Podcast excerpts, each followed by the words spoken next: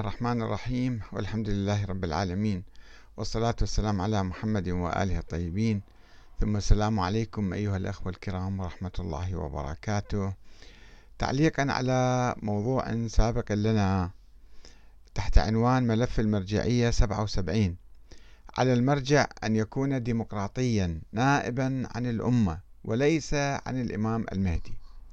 كتبت الأخت الكريمة زينب عبد الله تقول سماحة السيد هو يحدد يعني تقصد السيد السيستاني يبدو. سماحة السيد هو يحدد الظرف ويقرره وعلى ضوء ذلك يتخذ الموقف المناسب.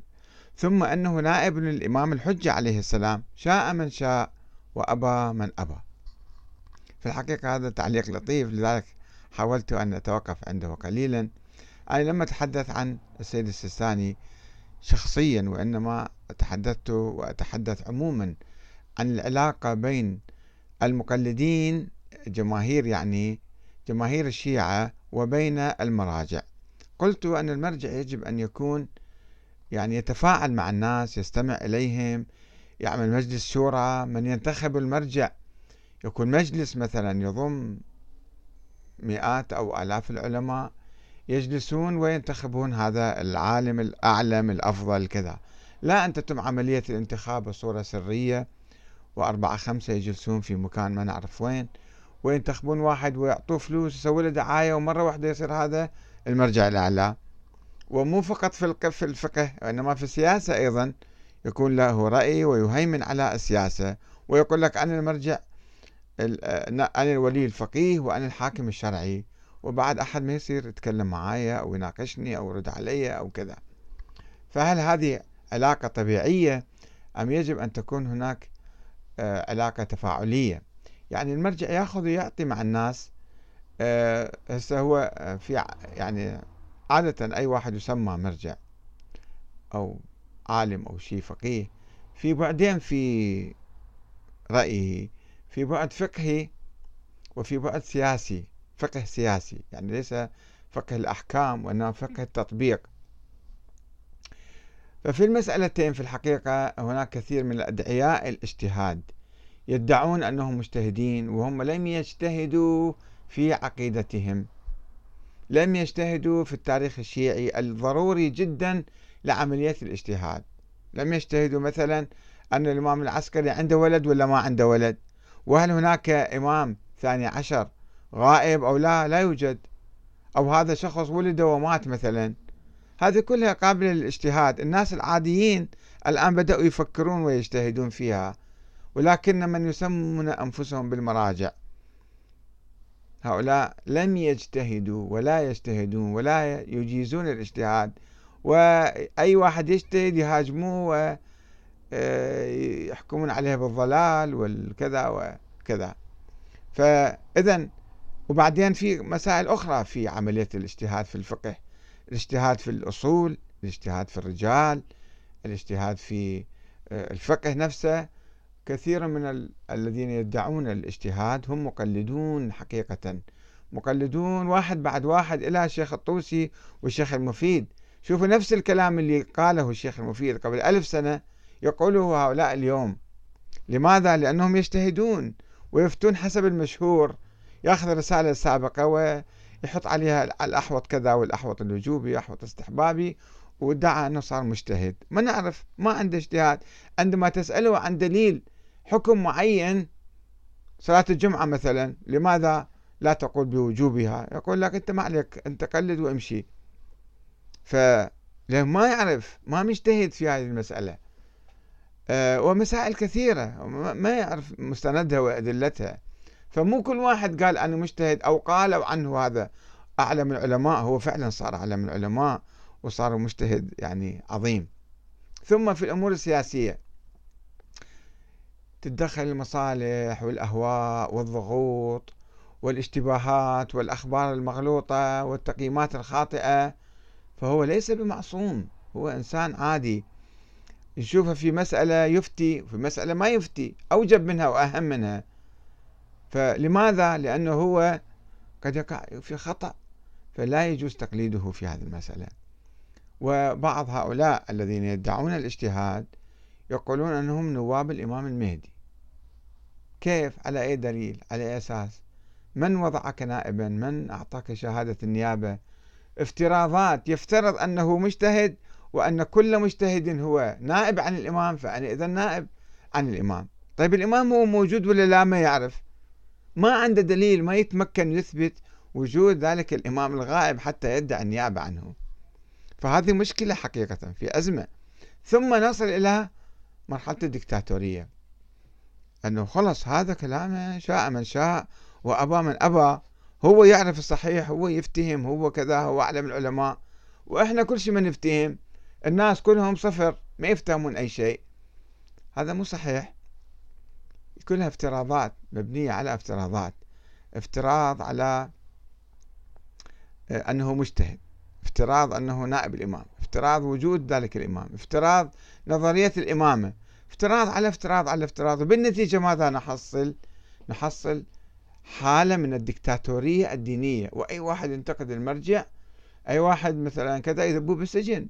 الآن يحدث ذلك في العراق حاليا. إذا واحد في الفيسبوك كتب منشور وانتقد مرجعا يلقى به بالسجن ويحاكم و... على أي أساس. فشوفوا عندنا ديكتاتورية.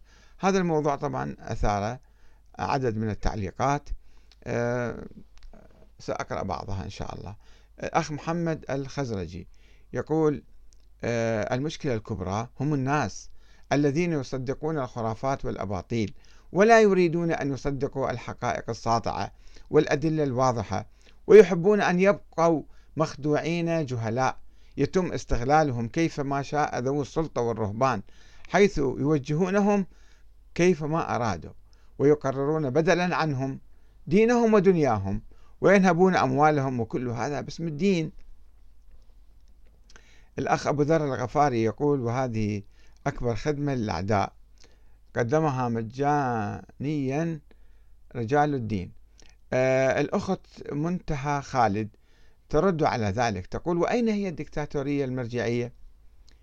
المرجعية تسمح للكل بالدراسة وتسمح للكل أن يكون مرجعا وهناك مراجع كثر ولهم آراء مختلفة وهم لا يفرضون فقههم على الناس بل على العكس هم يسمحون للناس أن تحول مراجعهم يعني من مرجع إلى آخر حسب ما هم يرتاحون لهم حتى بالخمس والزكاة هم لا يجبرون أحدا على دفعه فأين الدكتاتورية؟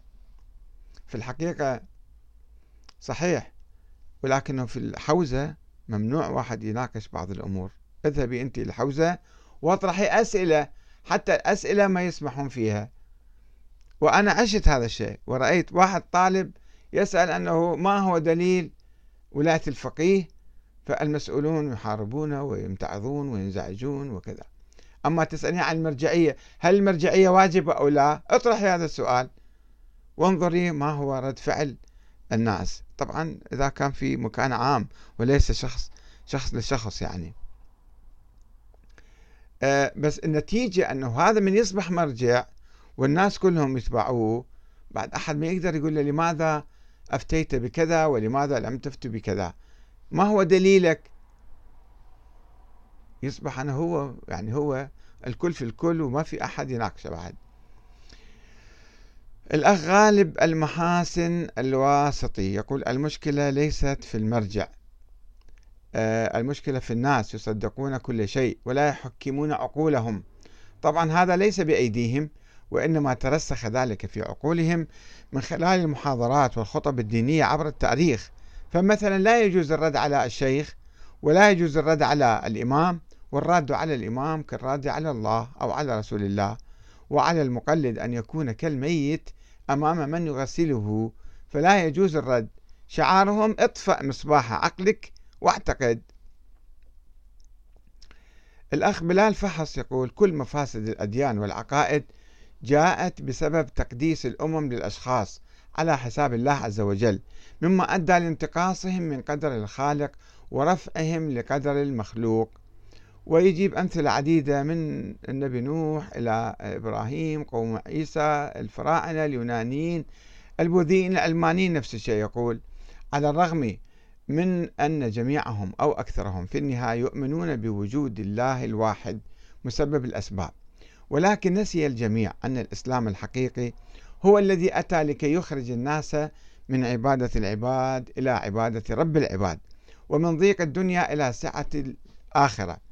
ومن جور الحكام إلى عدل الإسلام وعلى الرغم من نزول القرآن المحفوظ إلا أن فئة أو آفة تقديس الأشخاص وتأليه السابقين لا تزال تتحكم في عقول وعقائد الكثيرين ممن ختم الله على قلوبهم وعلى سمعهم وعلى أبصارهم فلا ينظرون إلى السماء وإنما يلتمسون الهداية من عباد الله الذين ماتوا إنهم لا يكادون يتصورون الحياة بدون الشرك بالله.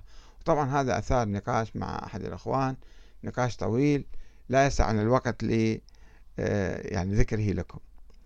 موجود في الصفحة في الفيسبوك. الأخ علي جمال يقول آه، النساء عاطفيات حتى بأحكامهن. ما معنى شاء من شاء وأبى من أبى؟ وهذا أقصى عنوان للدكتاتورية ومصادرة الرأي الآخر.